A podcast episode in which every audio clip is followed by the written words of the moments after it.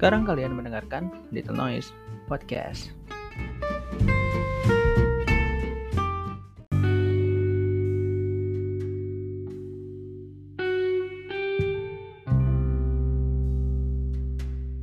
Oke, halo, halo. Haris Saingin.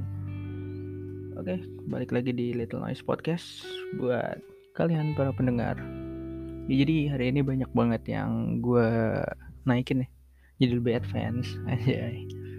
Ya, jadi setelah beberapa saran dari beberapa pendengar dan ya akhirnya gue mulai mengikuti saran-sarannya gitu. Ya sebenarnya gue bakal bikin ini sih kayak ada podcast khusus buat grand opening Instagram yang masih diundur kayaknya ya masih nggak tahu sampai kapan nanti gue bakal bikin episode khusus buat grand opening Instagram. Jadi pas Instagram di grand opening dan setelah promosi Instagram jadi bakal dimasukin episodenya ke situ. Ya sekalian promosi podcast juga ya. Gue kan perlu pendengar lebih gitu. Jadi kalau habis promosi terus ternyata Instagram banyak yang follow kan lumayan kan kalau mampir ke podcast jadi karena sekarang gue masih sambil belajar bikin podcastnya biar lebih naik lagi rencana gue mau bikin episode khusus ya. Nah sekarang mumpung lagi lumayan gabut ya pagi-pagi jam 7 lewat 11 di tanggal 25 bulan Januari 2021 sekarang hari Senin. Hmm. gue sih tadi niatnya mau nulis naskah ya buat episode yang baru gitu tapi gue tiba-tiba mikirin satu hal ya yang bernama ya nanti gue jelasin ya topiknya ya. jadi sebenarnya ide ini muncul habis gue nonton salah satu media yang gue suka ya terkait school life dan teen life satu persen ya kalian boleh banget mampir di podcastnya mereka. Nggak ada promosi nggak ada promosi. Gue cuman ya seru aja dengerin podcast mereka. YouTube mereka juga seru gitu. Lumayan buat ditonton ya. Ya emang YouTube gue tuh isinya media-media gitu semua ya rata-rata. Ada satu persen remote TV kalau yang nggak tahu ya. Itu seru-seru banget sih kalau nonton tiap hari dan mereka banyak ngasih ini sih wejangan-wejangan lebih gitu. Bukan wejangan ya ilmu ilmu. Ilmu-ilmu banyak di luar dari yang kita pelajarin di sekolah ya. Dan mereka juga jadi salah satu salah satu ini ya salah satu media bukan salah satu ya salah dua. Ya pokoknya media-media yang berbentuk school life dan teen life itu jadi salah satu pendorong kita lah buat buat little noise ya. Pendorong anak-anak little noise buat akhirnya nyatu dan yuk buat media yuk gitu. Ya walaupun teen life dan school life ini kan udah banyak banget ya medianya ya. Tapi ya nggak apa-apa lah. Mari kita memajukan bisnis media ini ya. Media school life dan teen life dibentuk platform digital. Karena kalau dulu kan masih bentuk majalah ya. Masih majalah-majalah remaja gitu sekarang kita naikin ke media teen dan school life. Ya kayak media game kan makin naik kan. Banyak lah nama-nama media game Indonesia yang lagi banyak dan marak banget yang dulu cuman dalam bentuk tulisan gitu website dan lain-lain sekarang udah berbentuk video gitu. Jadi ada visualnya ada audionya di YouTube dan podcast juga udah banyak ya termasuk media-media school life dan teen life juga bakal berubah gitu dari bentuknya tulisan di majalah atau tulisan dalam bentuk media digital ya sekarang udah bisa berbentuk visual dan berbentuk audio salah satunya adalah Little Noise media yang lagi berkembang sekarang. ya kita mencoba berkembang. Jadi ya harus follow sih kalian dan jangan lupa buat ya kritik dan saran juga diperluin.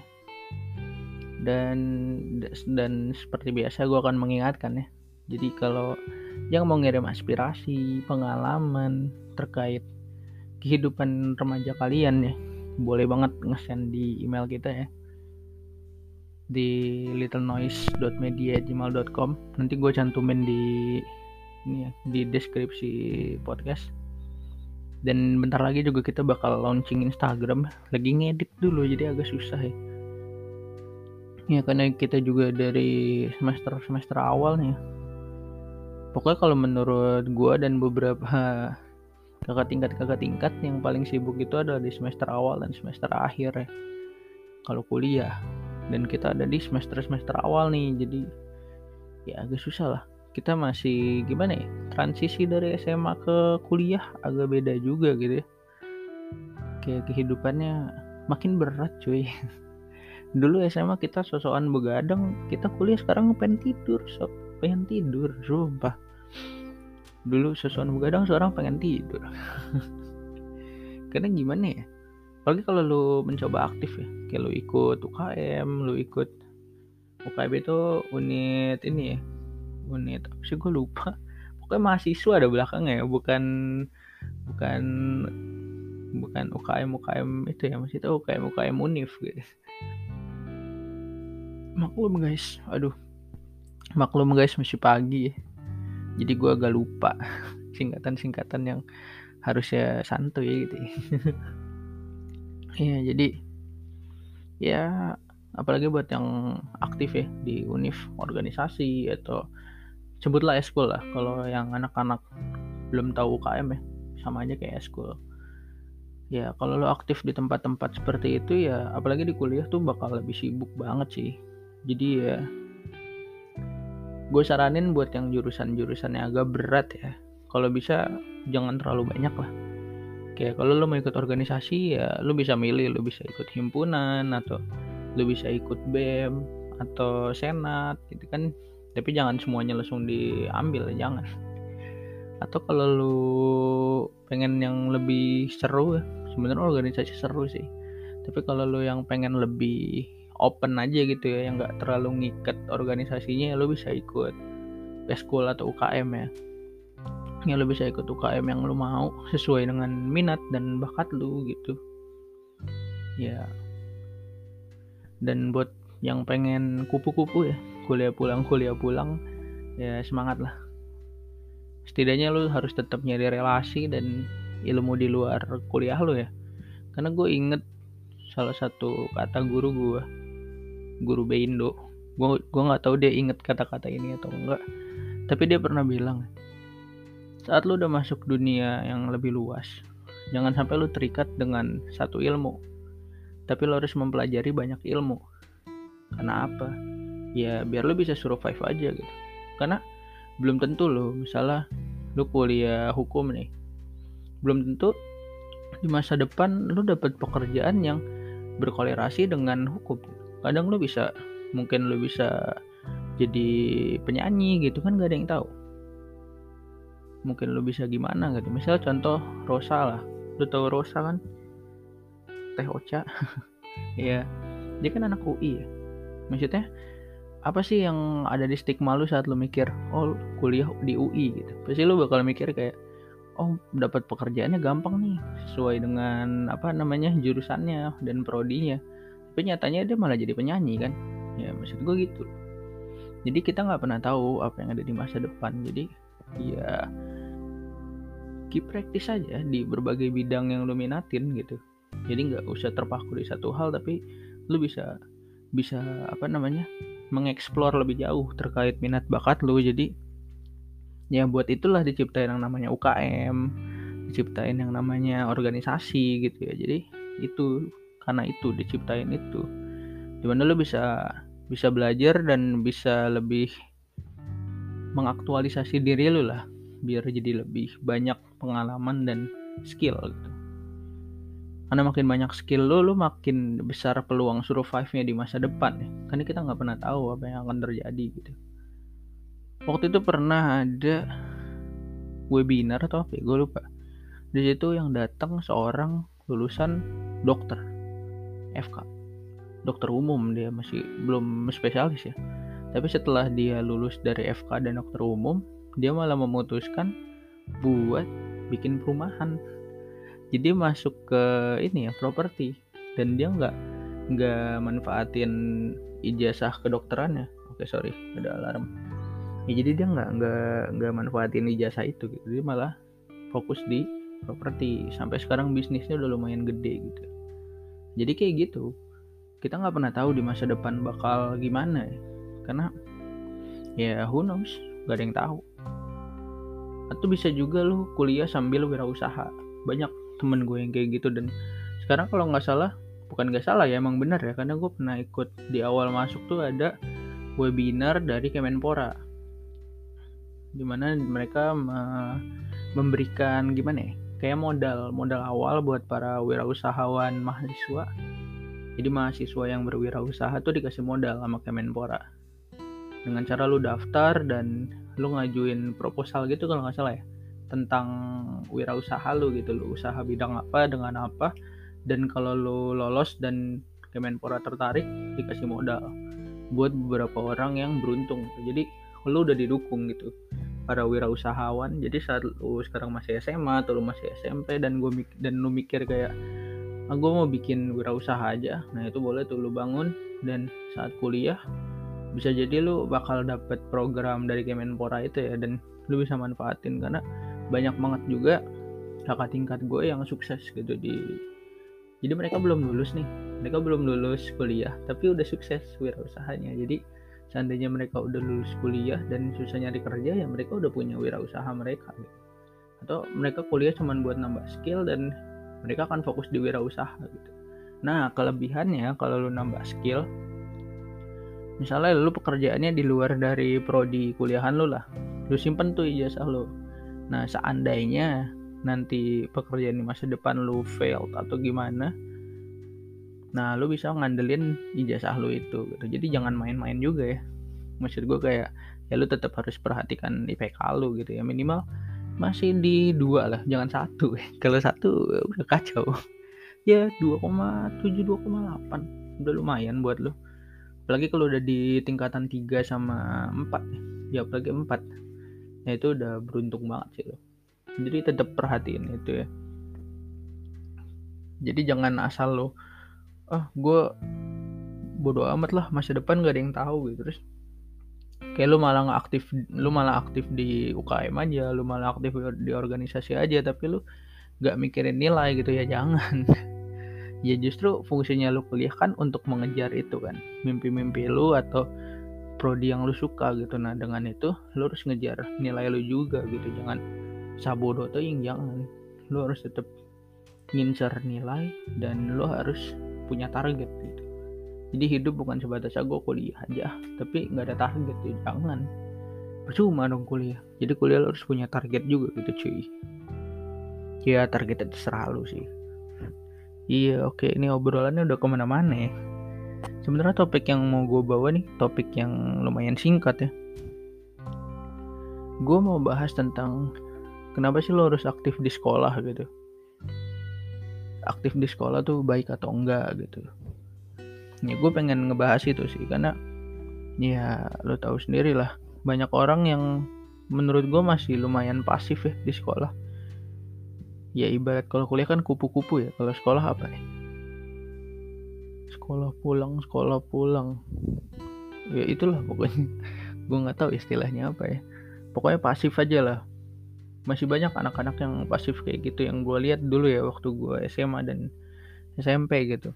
Sebenarnya SMP gue termasuk yang pasif ya apalagi di kelas 8 itu masa paling pasif gue nah mungkin gue akan ceritain sedikit ya di masa pasif itu sebenarnya menurut gue kurang enak aja. Kenapa gue bilang kurang enak? Karena gue tipe orang yang overthinking di saat sendirian. Gue nggak tahu apa ini penyakit mental atau gimana ya. Gue nggak tahu. Tapi gue sering banget mikir terlalu jauh overthinking atau kadang overreaction ya saat gue lagi sendirian gitu.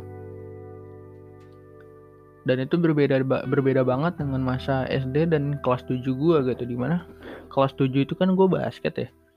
Itu gue sering banget ngelupain banyak hal gitu. Dan dengan itu gue jadi makin produktif malah. Kayak waktu gue zaman gue basket tuh nilai gue naik terus naik terus. Nah pas gue udah nggak aktif di kelas 8 tuh nilai gue malah stasioner gitu. ibarat grafik kan lagi naik naik naik stasioner ya. Untung aja nggak turun kurva kan. Masih stasioner gitu sempet sih turun-turun dikit terus stasioner lagi. Ya. Karena itu juga sih akhirnya gue di kelas 9 memutuskan lebih aktif dikit lah. Kayak gue makin aktif di Rohis. Gue ya waktu itu karena gue pikir Rohis paling baik ya. Dan sesuai juga gue kan tinggalnya di perumahan ya perumahan tapi masih agak kampung lah. Kalau kata orang sono perumahan mewah men. Mepet sawah perumahan tapi me mepet sawah gitu. Nah biar keren dibilangnya mewah. Mepet sawah. Singkatan sih ya jadi kan di zaman zaman itu kan rumah gue berdekatan dengan kampung. Sering banget tuh gue maghrib maghrib ngaji itu ngaji dengerin ustadz ceramah gitu. Dibikinin buku Ramadan gitu. Di SD juga gue SD IT kan ya jadi gue lebih nyaman aja kali di Rohis ya karena sesuai dengan dasar skill yang gue punya gitu. Ya kayak dia cocok aja gitu dan gue suka dengan Rohis itu kan identik dengan santai-santai. Walaupun sebenarnya saat udah di dalam tuh gue ngerasa oh ini organisasi banget apalagi di SMA ya. Tapi di SMP tuh emang Rohis tuh sekolah paling enak nih menurut gue dan OSIS karena di luar itu ya ya gimana ya buat anak-anak SMP kan lo masih learning by doing kan. Kayak gue main basket tuh bener-bener learning by doing. Kenapa gue masuk basket di kelas 7 ini pengalamannya agak lucu sih. Karena gue dulu di SD tuh berapa kali olahraga basket gitu dan gue paling pro di situ. Jadi gue pikir kayak oh ini takdir gue nih anjing. Masuk SMP this is my destiny. Dan saat itu gue kan satu SMP sama sepupu gue namanya Dimas dia badannya emang tinggi gede gitu kan. Ya dan waktu kita lagi bingung kan gue berdua ya waktu itu lagi suruh milih-milih eskul. Jadi ada stand-stand eskul gitu. Mungkin yang sekarang lagi kuliah eh lagi kuliah lagi sekolahnya PJJ nggak tahu ya tapi ini kalau lu sekolahnya langsung bakal ada kayak gini nih. Apalagi di SMP sama SMA ya dibikinin stand-stand. Nah nanti stand-standnya itu ngejajain eskul-eskul yang ada gitu. Misalnya ada stand eskul basket stand eskul volley gitu. Nah waktu kita lagi bingung kan kayak ini apa ya anjir ya? gitu. Dan kita ngeliat tuh stand-stand semuanya rame cuy. Rame banget. Sampai belakang gitu ngantrinya kan. Ya sampai belakang. Terus kita bingung nih nyari apa ya?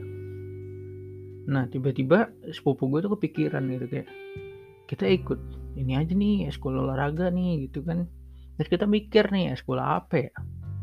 Nah tiba-tiba kita nggak denger gitu. Kayak basket basket gitu. Basket basket gitu. Kayak jualan nih. Terus akhirnya kita berdua punya ide gitu kayak ya udah coba aja basket gitu. Jadi awal kita pengen nyoba aja gitu. coba aja basket nih kayaknya seru nih. Akhirnya daftar lah.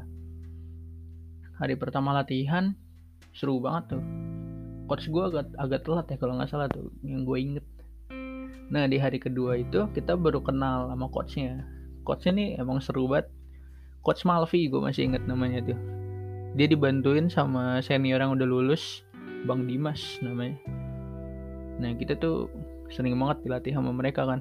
Dan oh, emang seru banget sob. Apalagi ada juga kakak kelas gua sama sepupu gua ya. Beda satu tahun. Di sama di SMA juga jadi kan ini gabungan ya sekolahnya ada SMA ada SMK ya gitulah ada SMP SMA SMK SD TK nah kita kan di barisan SMA ya. Kan ada barisan SMK ada barisan SMA nah kita di barisan SMA tuh gue bareng tuh. Ada Bang Emir sama Bang Rafli yang gue paling kenal.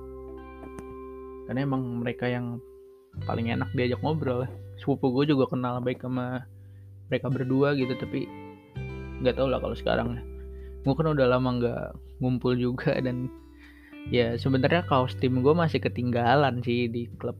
Ya jadi kalau lu go kalau lu tahu itu di mana dan lu join klub di situ kalau lu beruntung masih ada baju gue ya. Gue nomor berapa ya? 07 kalau nggak salah. Ada nama gue di belakang. Cari aja. Itu kalau misalnya tahu itu sekolah di mana ya, Bogor campuran semua sekolah ada SMP SMA SMK ya. Ya lu masuk situ nanti di situ ada kaos tim gua. Cari aja. Tanyain. Siapa lah coachnya terserah lu lah. Coach ada baju nganggur nggak? Dari angkatan atas kayak Nanti lu nemu nama gua di situ cuy. 07 kalau nggak salah ya nomor gue ya. Ya nggak tahu gue lupa ya gue lupa ngambil. Sampai sekarang juga gue nggak tahu mau ngambil kapan ya. Gue coba ngontak sepupu gue dan dan senior senior gue di klub juga udah pada nggak aktif gitu di situ. Jadi kayak ya udahlah ikhlasin lah. Tapi at all seru banget sih di kelas 7 gitu. Walaupun akhirnya gue mutusin buat out.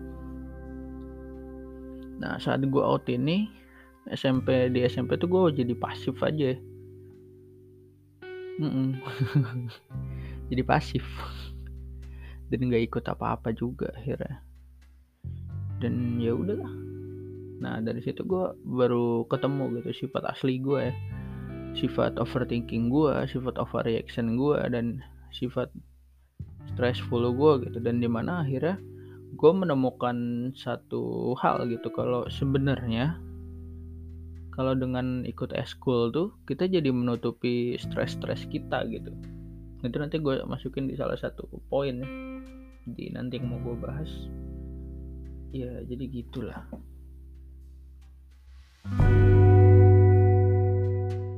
Nah tadi kan udah ya tadi sebenarnya prolognya nggak tahu panjang banget prolognya.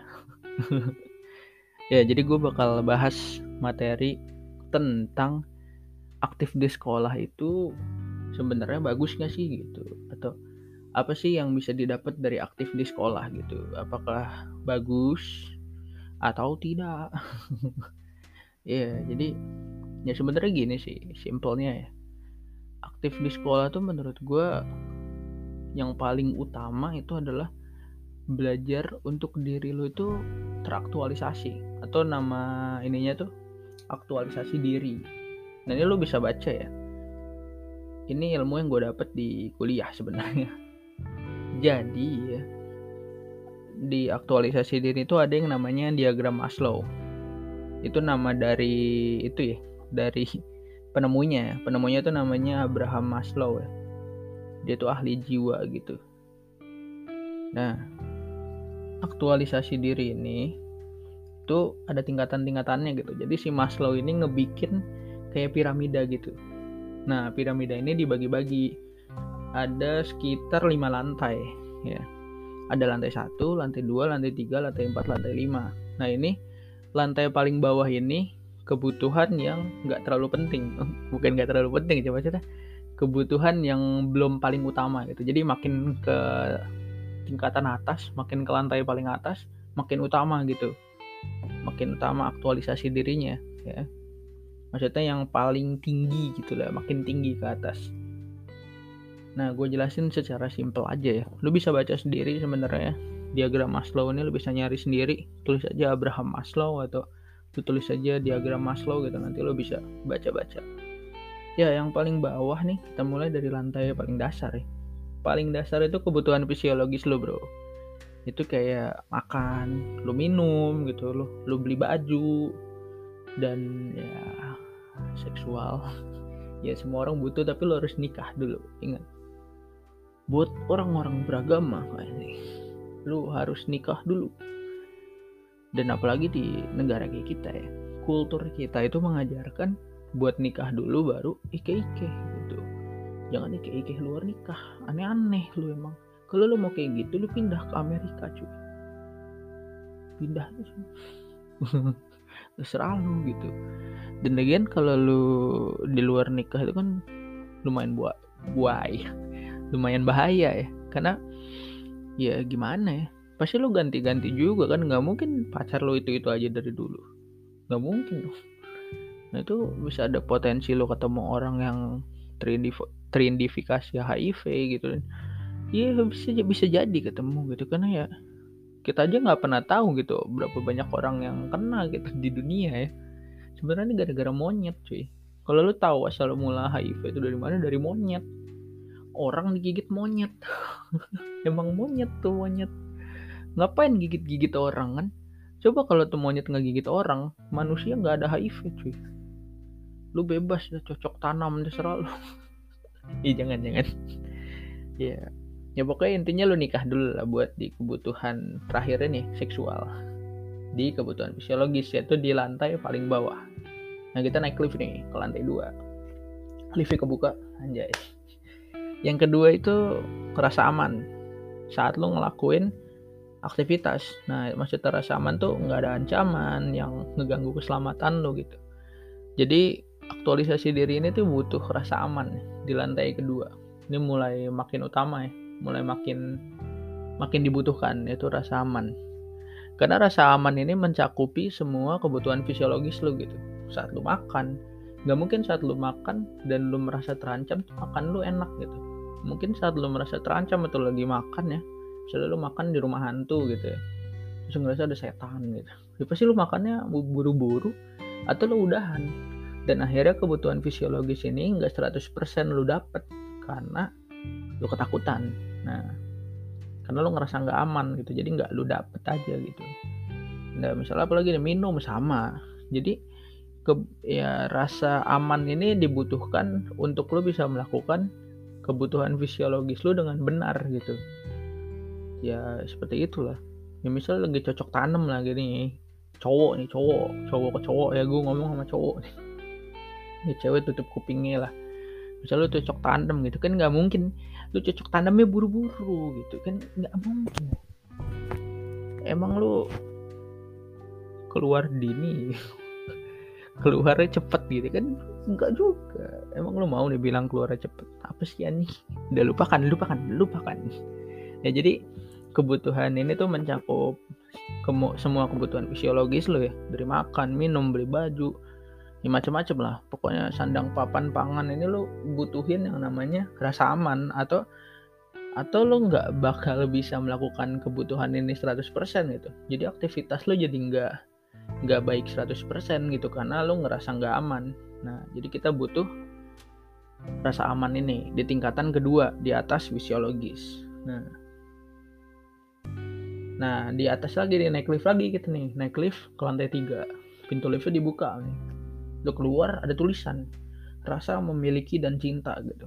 Nah kalau di sini di garis bawahi ya yang gue baca itu mengikat pada kelompok sosial. Maksudnya hidup bersosial lo ya yang gue tangkap ini. Hidup bersosial lo tuh harus memiliki rasa harus memiliki ini ya memiliki perasaan saling memiliki dan perasaan saling cinta gitu.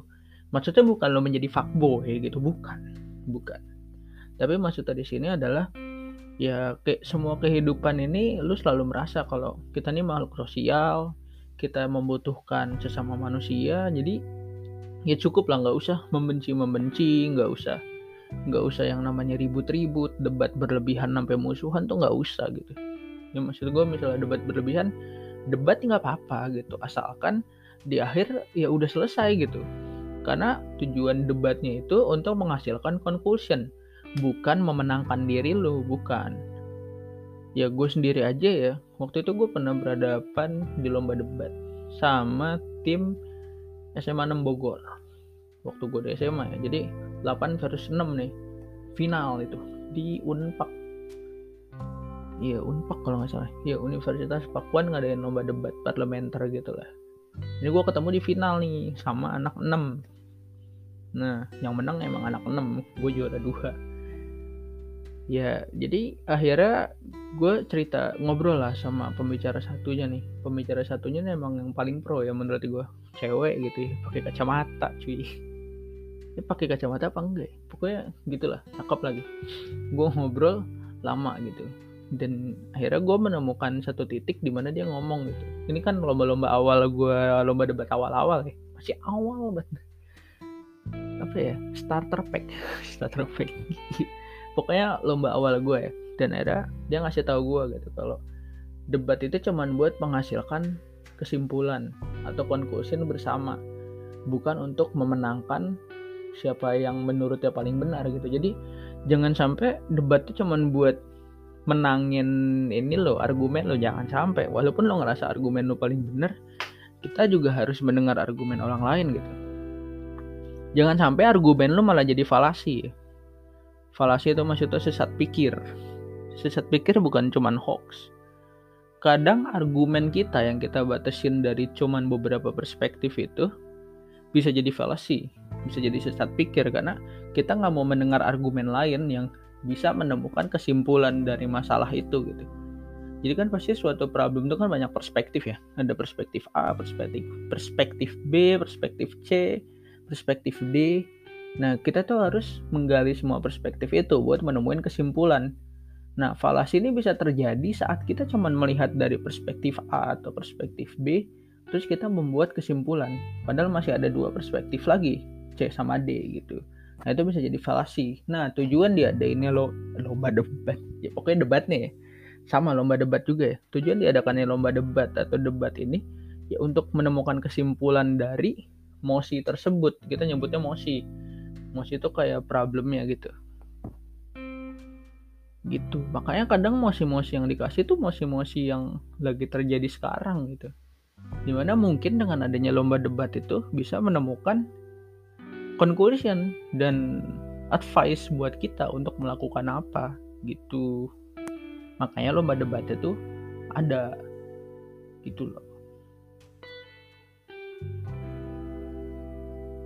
nah oke jadi ke debat tadi ya. Jadi intinya adalah ya udah lalu nggak usah ribut nggak usah debat nggak usah merasa yang paling benar. Dan kalau ada orang yang mem yang ngasih pendapat di luar apa yang lu suka nggak usah lu marah-marah gitu. Apalagi atas nama instansi. Ya gue agak ngeritik ya sekarang ya. Karena gue nggak enak aja gitu buat ngelihat instansi-instansi saling berantem cuman gara-gara satu argumen gitu. Coba di cross check lagi coba obrolin lagi dan maksud argumen itu apa gitu. Jadi gak usah lah ribut-ribut saling nuntut-nuntut gak usah lah.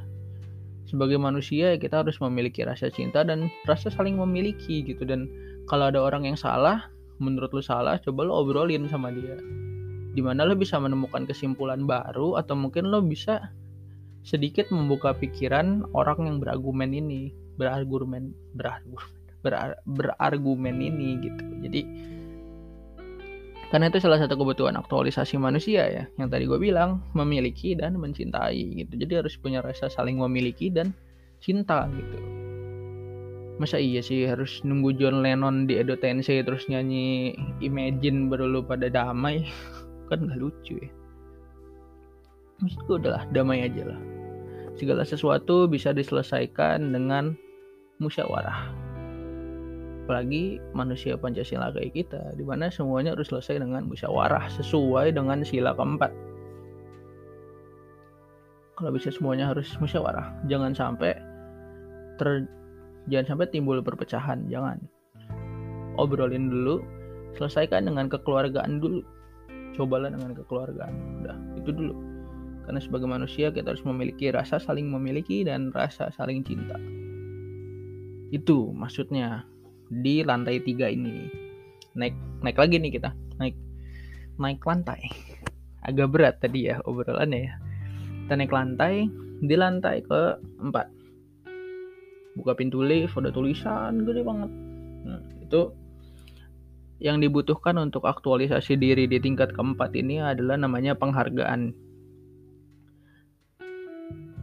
Denger nggak? Suara bakso. Bakso apa bubur lewat depan rumah.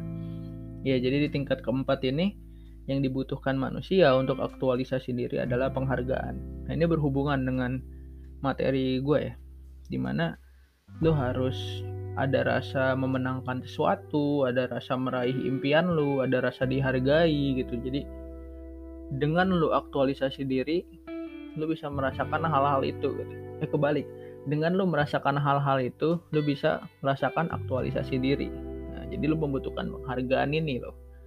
Dengan dia apa rasa dihargai rasa meraih impian rasa memenangkan sesuatu. Nah lu butuh aktif di sekolah sob.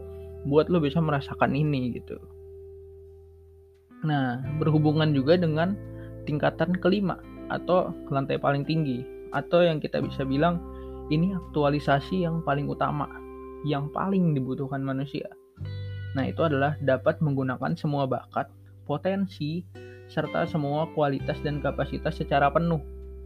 Nah, jadi yang paling utama ini itu yang meliputi empat lantai di bawahnya. Makanya itu paling tinggi.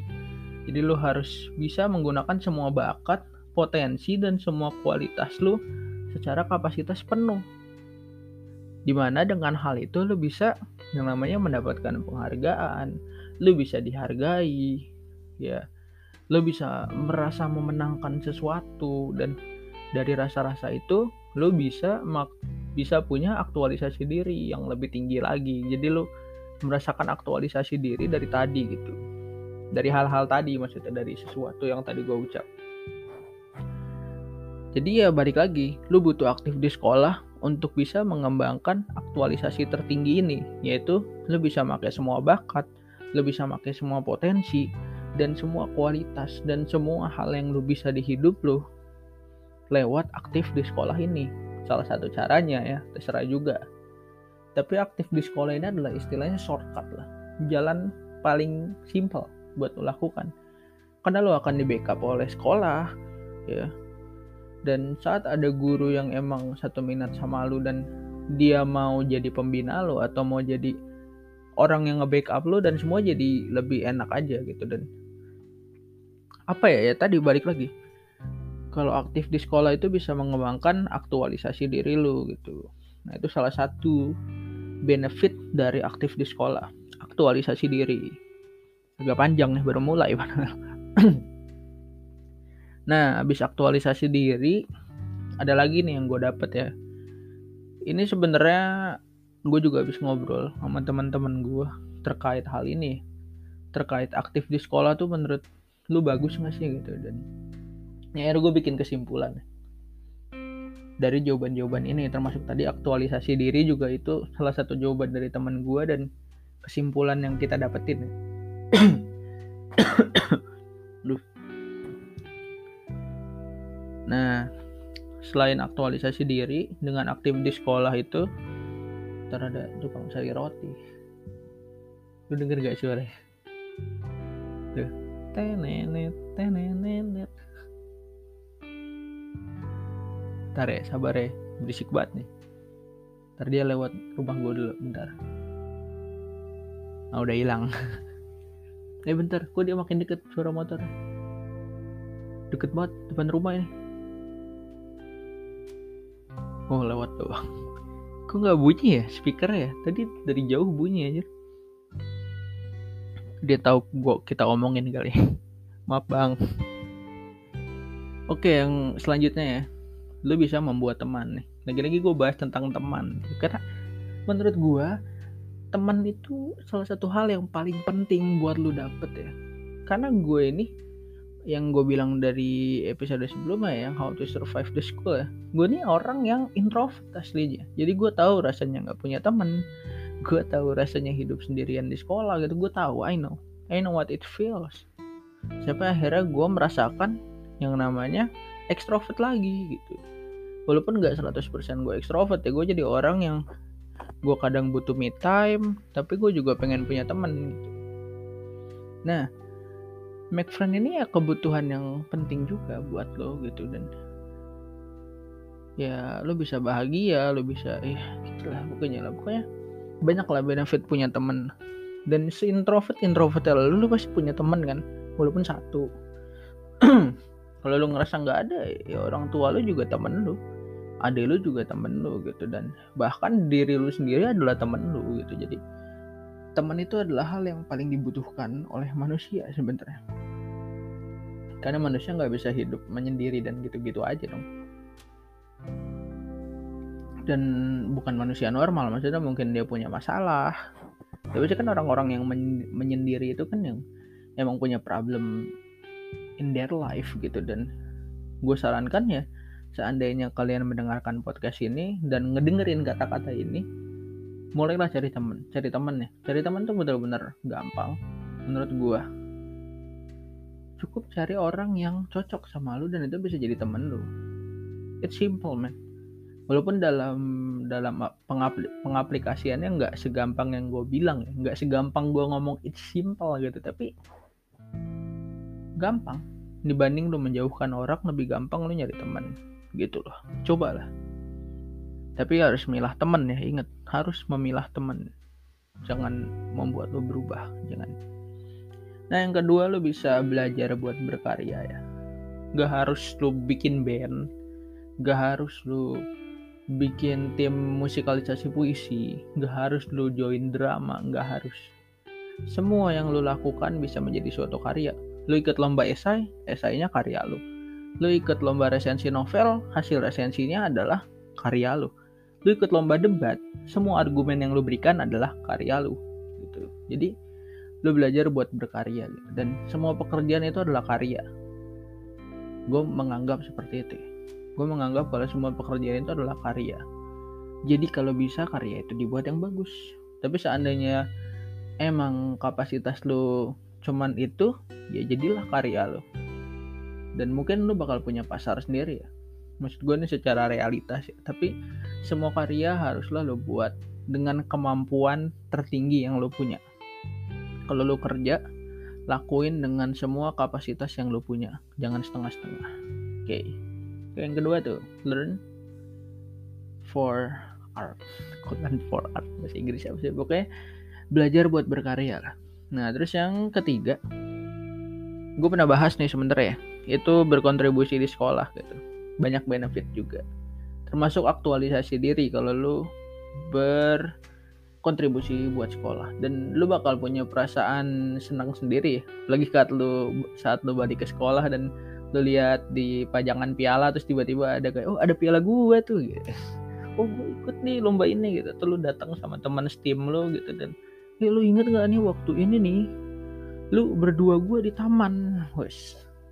Pulang lihat piala jadian anjay. Ini bisa jadi bisa jadi. Ya gitulah pokoknya. Jadi rasanya beda lah saat lu punya kontribusi terhadap sekolah gitu. Apalagi kontribusi positif ya. Pasti enak. Terus yang keempat lu menyalurkan semua kehebatan lu ke aktivitas yang positif dengan cara aktif di sekolah. Tukang sari rotinya lewat lagi bentar. Ini lu denger gak sih di podcast? Gue sih keras banget nih gue nih. Ntar ya sabar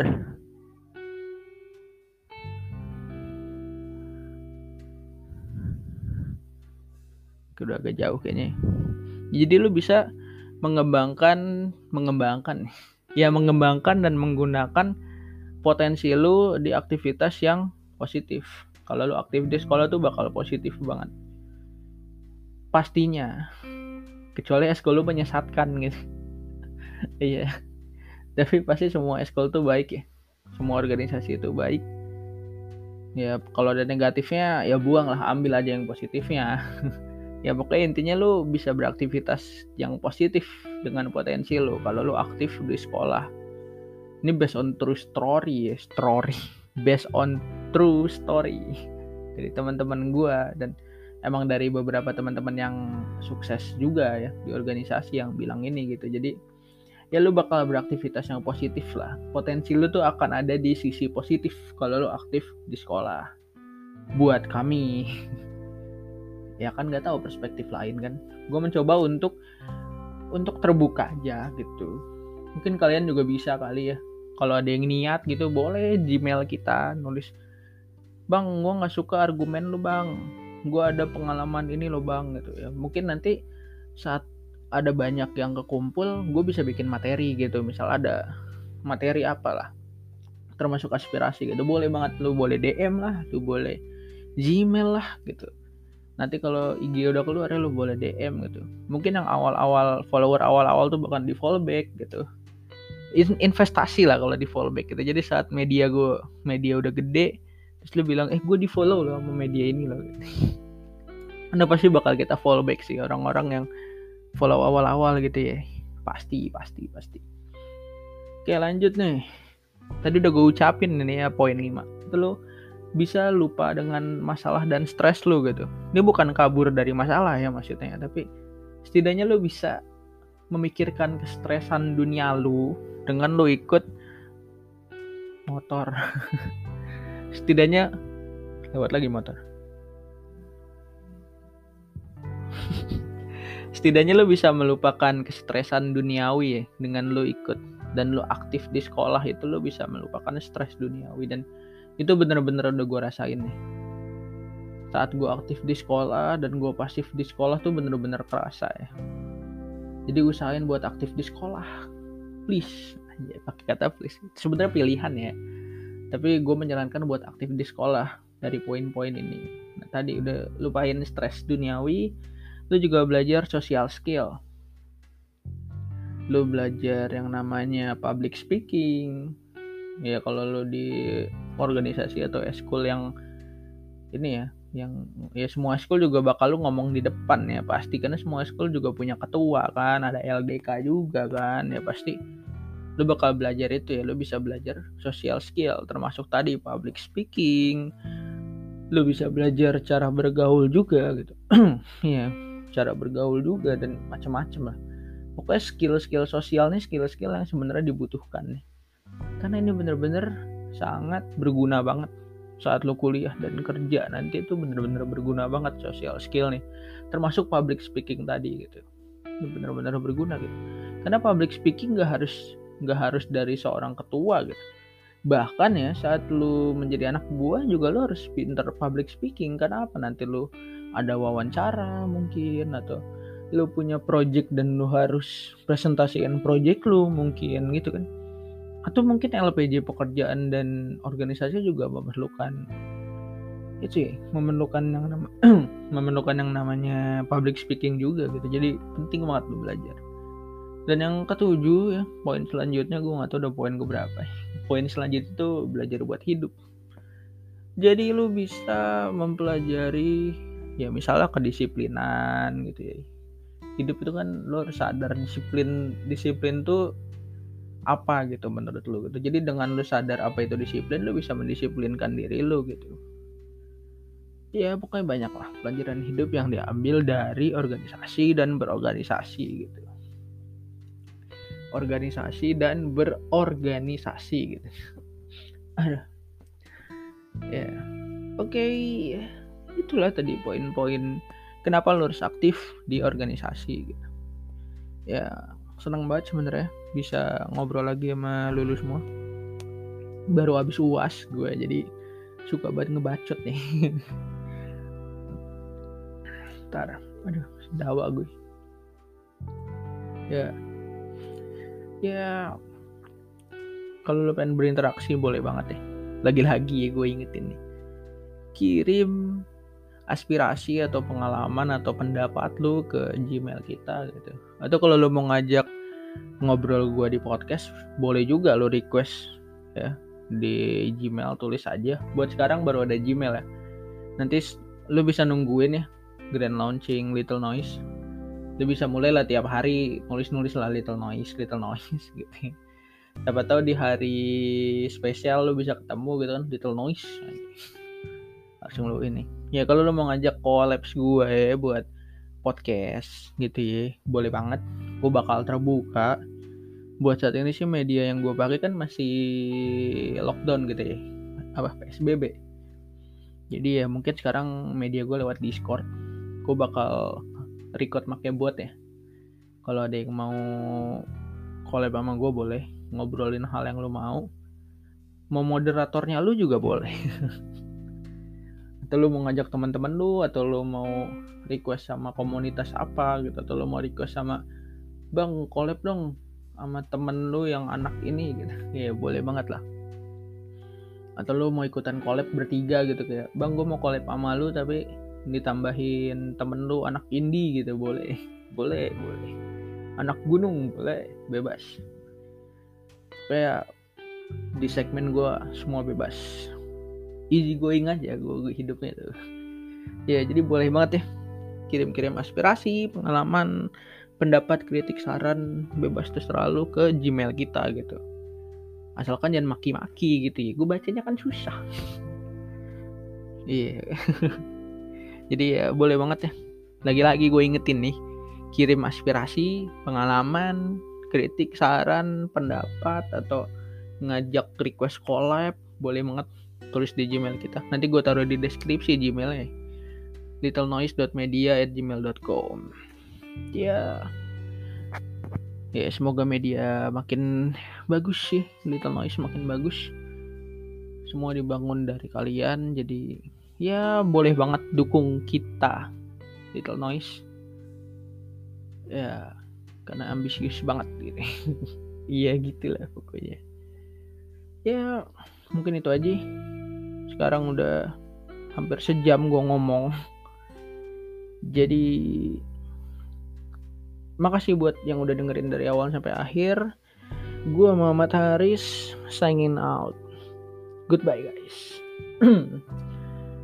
And you are listening Little Noise Podcast. Bye bye guys